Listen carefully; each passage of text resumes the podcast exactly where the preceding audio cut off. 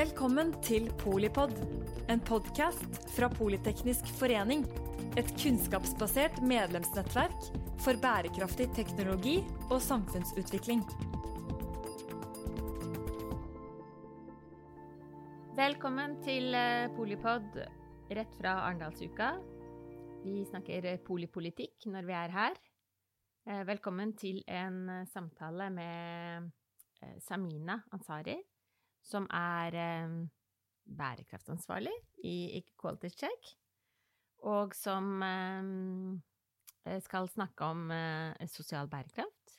Men aller først, Samina, hva burde vi snakke om når vi snakker om stortingsvalget?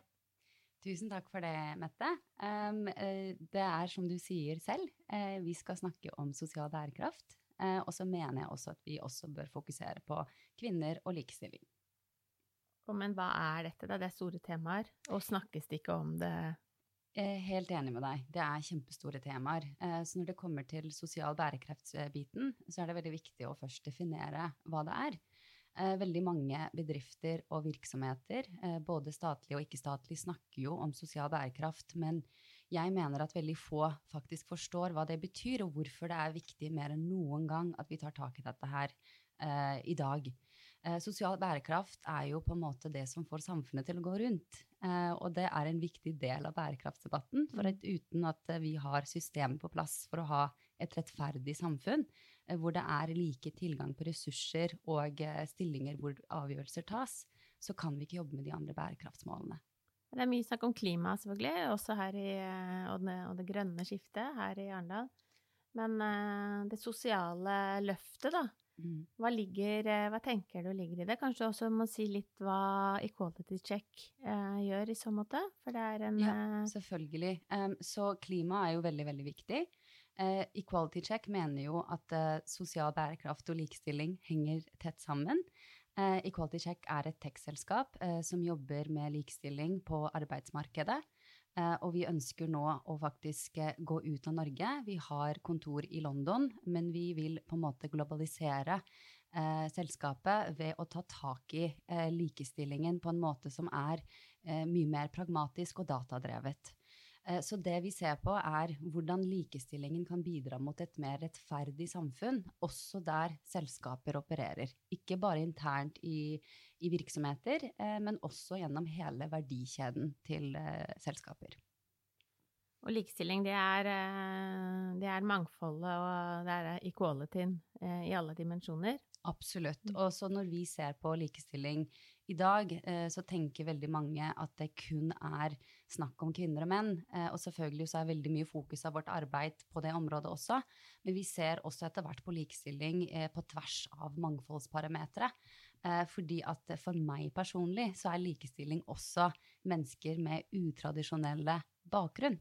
Eh, så det vil si at du kan ha noen som har vært musiker i flere år, men som allikevel har vanvittig mye kunnskap i finansbransjen. Og da må vi få disse hodene med inne på arbeidsmarkedet, slik at vi kan finne bærekraftige løsninger på de problemstillingene vi har på et globalt nivå i dag, bl.a. klima.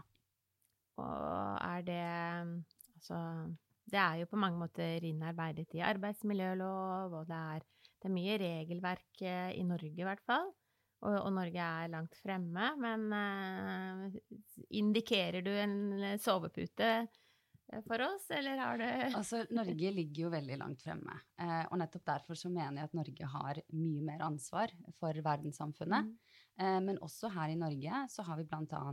aktivitet- og redegjørelsesplikten, eh, som da blei utvidet for et år siden.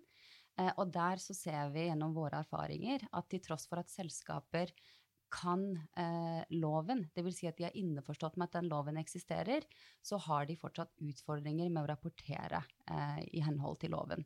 Så vi, vi, støtter jo selskaper med akkurat det. I tillegg så har det kommet ny lov i år, som er åpenhetsloven. Mm. Eh, og i forhold til åpenhetsloven så er det veldig viktig at vi faktisk klargjør hvor ansvaret ligger på implementeringen av denne loven. For det er jo ikke advokater som nødvendigvis implementerer slike lover, det er jo selskaper. Eh, og da må vi sørge for at de vet hva de skal rapportere på. Eh, og så eh, vil jeg bare gå tilbake til poenget mitt med at eh, fordi at vi er i Norge, så har vi enda mer ansvar for verdenssamfunnet.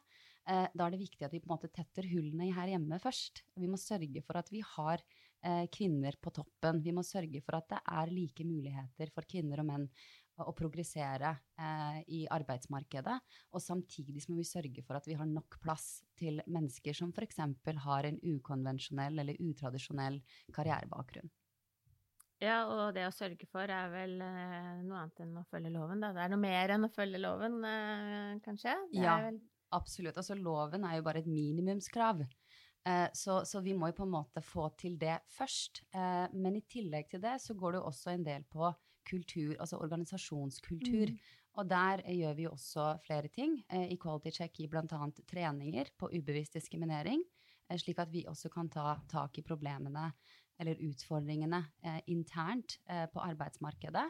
Eh, og så er det jo også sånn at representasjon har også veldig mye å si. Så vi må også sørge for at vi har på en måte mangfold i forhold til stillinger hvor man har mye mer visibilitet.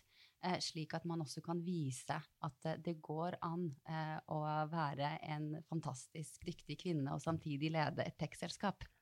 Altså dere er jo De jeg har møtt hos dere, er jo både frontfigurer og, og sånn sett går i bresjen på både mangfold og og jeg vil si innovasjonskraft. Da. Så det er jo eh, antageligvis det som gjør at dere lykkes som selskap. Eh, Tusen takk for det, Mette. Også, men du må forklare eh, alle lytterne litt hva dere faktisk gjør. Du sa datadrevet. Da høres det jo på en måte ut som noe annet enn, enn det vi tenker fra Husker jeg er en gammel samfunnsøkonom. Mm. Jeg vokste opp på 70-tallet og, og, mm. og, har liksom den bagasjen da, når det gjelder likestilling.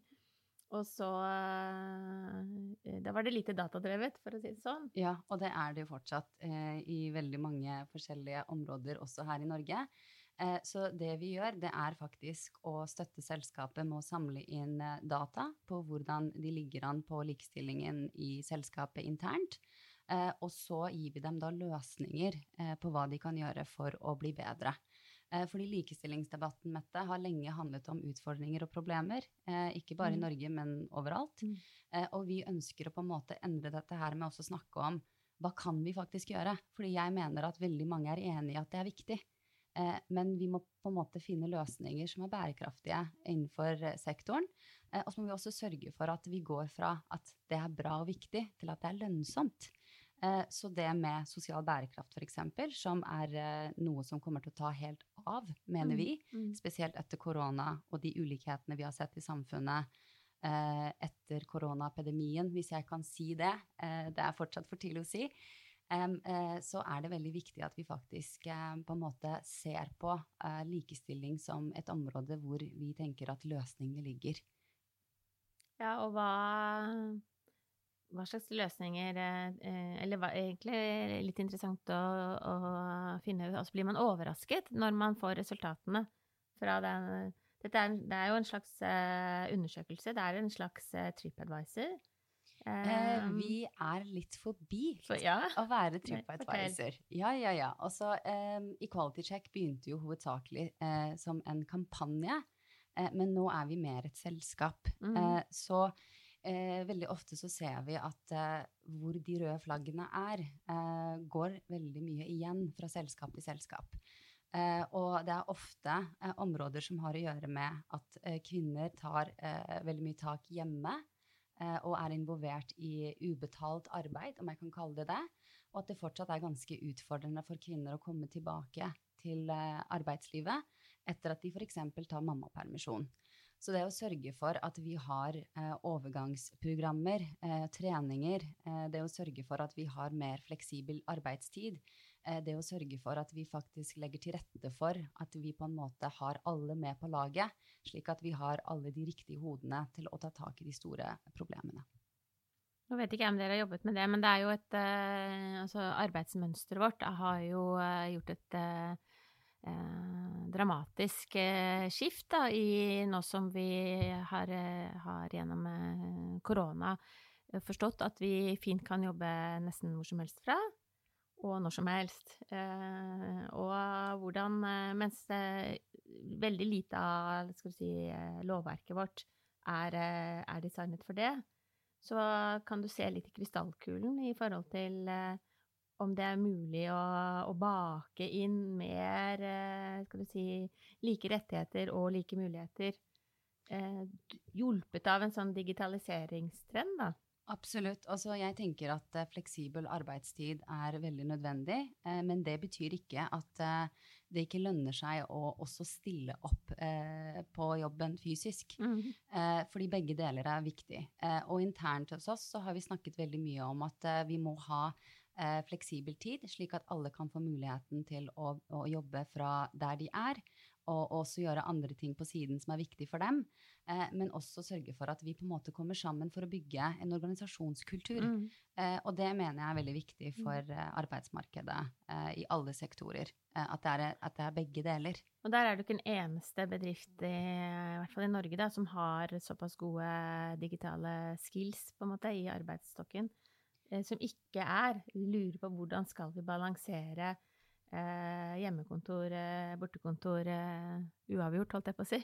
ja, ja, ja. Altså, det er jeg helt enig i. Men så er det jo sånn at eh, ikke all jobb eh, krever digital kompetanse. Det er Nei. veldig mye man kan jobbe med hjemmefra. Og nå mm. regner jeg med at uh, i alle stillinger, også i din egen stilling, så skriver du en del rapporter. Og det er jo ting man også kan gjøre hjemmefra. Så det er på en måte ha en god leder på toppen som kan ta litt initiativer, og sørge for at vi på en måte fordeler eh, arbeidsområdene på en måte som gjør at du kan jobbe fra andre steder uten at du har mm. digital kompetanse eh, i, i, på en måte det som er kanskje forventningen. Eh, men samtidig sørge for at det er interne treninger, slik at, man, slik at man hele tiden kan være en del av markedstrenden. Og da må man på en måte sørge for at de som trenger ekstra støtte, får det. Ja. Og det lønner seg. Det er det dere Det som lønner seg, er å sørge for at alle kommer på lik linje med hverandre for å på en måte ha tilgang på de samme ressursene. Eh, og, eh, og, det at vi mister folk på veien, eh, det lønner seg jo ikke på lang sikt. fordi på lang sikt så vil vi kunne altså betale, Vi betaler jo for det senere, Mette. Altså det, det ja. ser vi jo.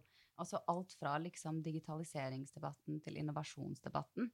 Eh, det handler jo om Det handler veldig lite om teknologi. Det handler veldig mye om hvem som er i rommet, hva som blir sagt. Mm. Eh, og for det er der løsningene mm. er. Ja, så vi igjen da, som sosialøkonom, altså vi lever jo av eh, hverandres arbeid. Ja. Og jo flere som eh, jobber, eh, og jo mer vi jobber, og jo lengre vi jobber, eh, jo bedre Eh, har eh, landet det, eh, velferdsstaten det, og selvfølgelig jo bedre må jo målet være, sånn jeg forstår også dere jobber intenst for, da, er jo også det individuelle på det individuelle planet. Jo flere, flere har det bedre. Ja, og så må vi huske på at verdenssamfunnet ser på Norge. Mm. Fordi vi er jo kjent for, for å være likestillingslandet. Eh, og da eh, er det egentlig veldig nødvendig at vi leverer på det. Mm. Eh, både gjennom lovgivning, organisasjonskultur og på individuell nivå. Og de eh, henger jo veldig sammen, de Har dere fått noe respons utenfra? Dere jobber jo med selskaper som har, eh, har både norske og internasjonale operasjoner, da. Mm. Er det noe Det er helt sikkert en, eh, en nærmest kulturforskjell eller, eller nærmest signifikante forskjeller på responsen ja, fordi nå har vi begynt å samle data fra London, uh, London-kontoret vårt i Storbritannia. Og selvfølgelig så er det jo veldig forskjell på arbeidskulturer. Vi har langt mer fleksibilitet i Norge enn det vi har i andre land, så det ser vi jo veldig tydelig. men samtidig så ser vi også at utfordringene nesten alltid er på de samme områdene. Det er kvinner som henger litt etter i lederstillinger, selv i Europa. Mm. Eh, og samtidig så ser vi også at når det kommer til mangfold, så har det vært enklere å på en måte um, klassifisere det i forhold til hva vi ser eh, utad ja. eh, i mangfoldsdebatten, ja. men ikke nødvendigvis hva som ligger bak. Nei, det er jo et eh, en gjenganger, på en måte. Det er jo Jeg husker jo tidlig jeg jobbet med bærekraft i, i, i mange år i, i, flere selskaper. Jeg husker jo tidlig man fant på en måte måtte finne et, et uh, bilde til type årsrapport som så på en måte tilstrekkelig eh, diversifisert ut, da. Ja. og det var, uh, det var, liksom det. Det å legge litt lokk på, litt lokk på å faktisk finne løsninger. Ja. og det ser vi jo at flere, flere selskaper gjør den dag i dag. Eh, men det vi også tenker i forhold til mangfold, det er jo også ESG-debatten. Mm -hmm. alle virksomheter snakker jo om ESG i dag som om vi har gjort dette her i mange mange år, men vi har faktisk ingen ESG-eksperter. Og det er fordi vi kun har jobbet med dette her i fem år. Eh, så det å på en måte klare å oppnå ESG-målene på linje med FN og OECD Og ESG kan du jo fortelle ja, oss. Ja, det, ESG handler jo om environment, social og governance-biten til Mm. eh, selskaper, eh, hvor selskaper har krav om å rapportere på hvordan deres virksomheter eh, implementerer på dette området. Eh, så eh, det vi ser, det er at eh, i dag så har vi mennesker som har studert finans, som sitter og leser eh, rapporter fra EU-kommisjonen. Eh, og de har ikke så veldig mye erfaring med det. Mm. ikke sant? Og det er, da må vi på en måte tenke annerledes. Eh, vi må eh, tenke på hvordan vi kan diversifisere, eh, slik at selv i sektorer det er faste rammer for hva du må levere, eh, at vi fortsatt klarer å ta inn eh, mennesker som har en fargerik bakgrunn, hvis jeg kan kalle det det, som kan på en måte jobbe på tvers av den sektoren, for det kommer stadig flere og flere krav. Jeg føler jo at eh, Politeknisk eh, på mange måter var forut for sin tid, da, etablert i 1852. Og poli er jo egentlig eh, mangfold, ikke sant? Eh, og så har det veldig lenge betydd eh, tverrfaglighet. Og i begrepet tverrfaglighet, som jo er veldig sånn Alle er for det, og alle ser at det må til for komplekse problemstillinger og, og rask nok endringstakt og sånn så, så, er det en link da, mellom uh, tverrfaglighet og skal si, uh, faglig og kulturell og kompetansemessig og erfaringsbakgrunn. Um, og det burde ikke være noe større hokus pokus. det burde ikke være noe større hokus pokus. Og jeg tenker at det som er så fint akkurat nå, det er at vi har en oljefondsjef som representerer eh, dette med annerledeshet eh, på en måte som gjør at eh, jeg personlig tenker at kanskje vi er på vei mot et kulturskifte. Hvor det da etter hvert kommer til å være mer og mer plass for mennesker som har en tverrfaglig bakgrunn, til å få muligheten til å jobbe i sektorer som har vært veldig homogene. og dette sier jeg nettopp fordi at vi står Vi er i en tid nå hvor vi stadig får inn flere og flere krav fra fra forskjellige sektorer. Mm. Og da må vi ha hoder som kan forstå, som kan lese, som kan implementere, mm. og som også kan lære bort. Mm. Eh, fordi i stad så snakket vi om, om, hvordan får vi alle med.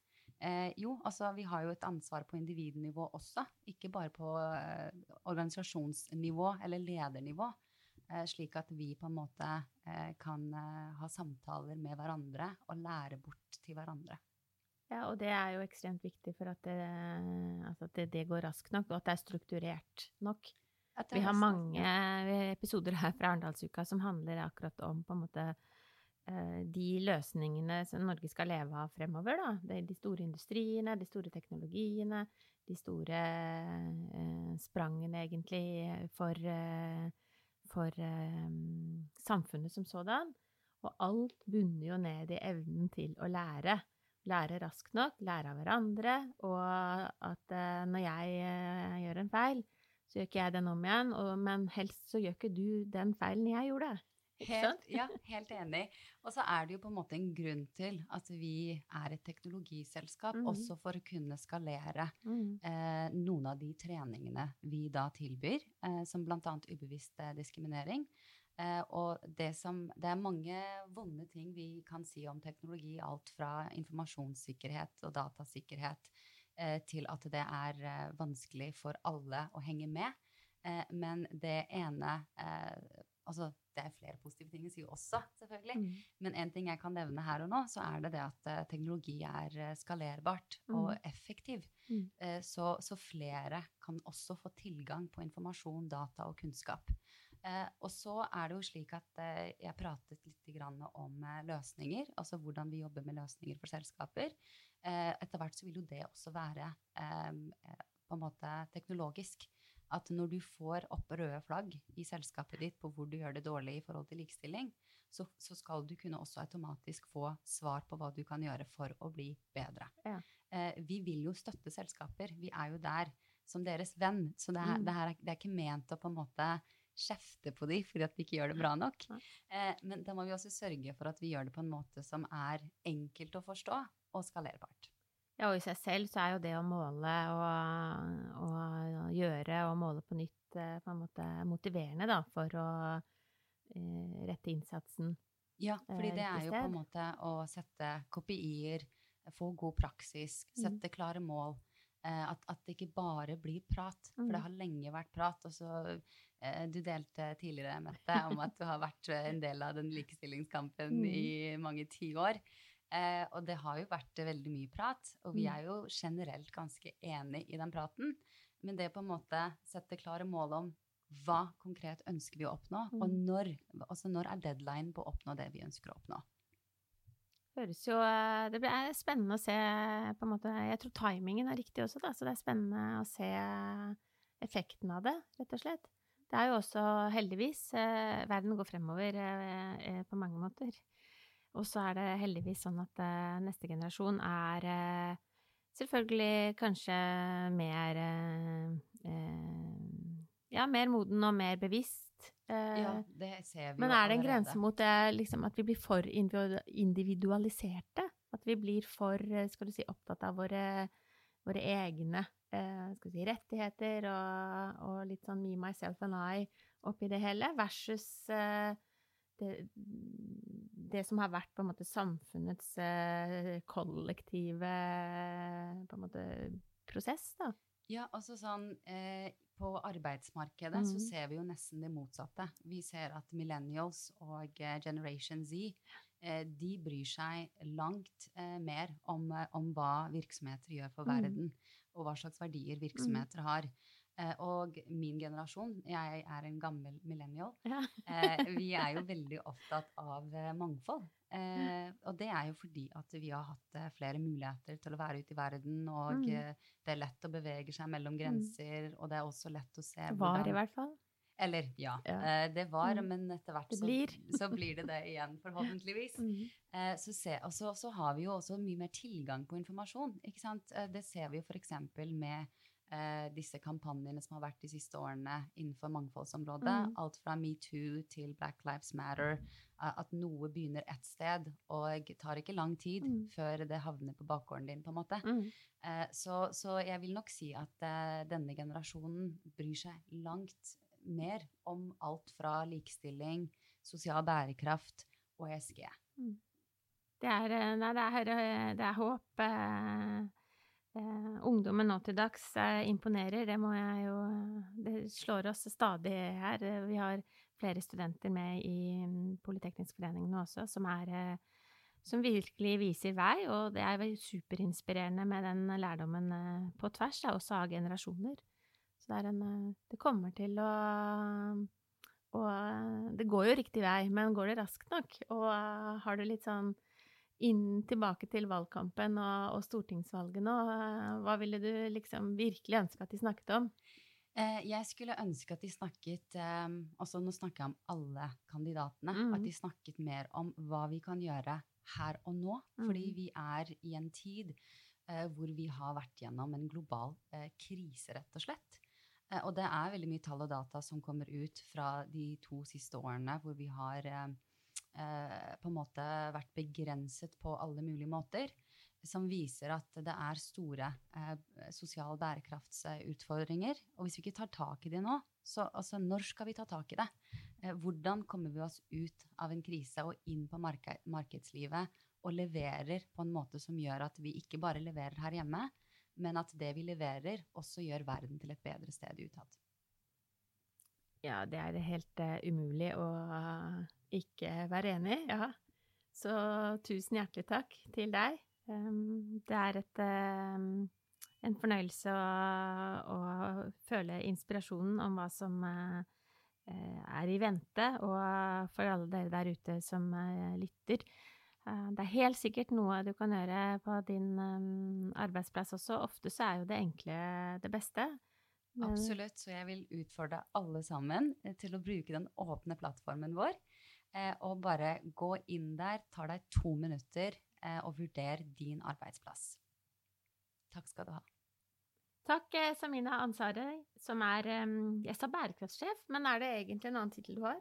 Eh, også det er veldig fint, den tittelen du ga meg, men eh, jeg er faktisk Head of Public og Corporate Relations. Nettopp. En samtale om uh, sosial bærekraft. Takk for at du lyttet til Polipod fra Politeknisk forening. Få med deg flere episoder, eller bli med på nettverksmøtene som du finner på at polyteknisk.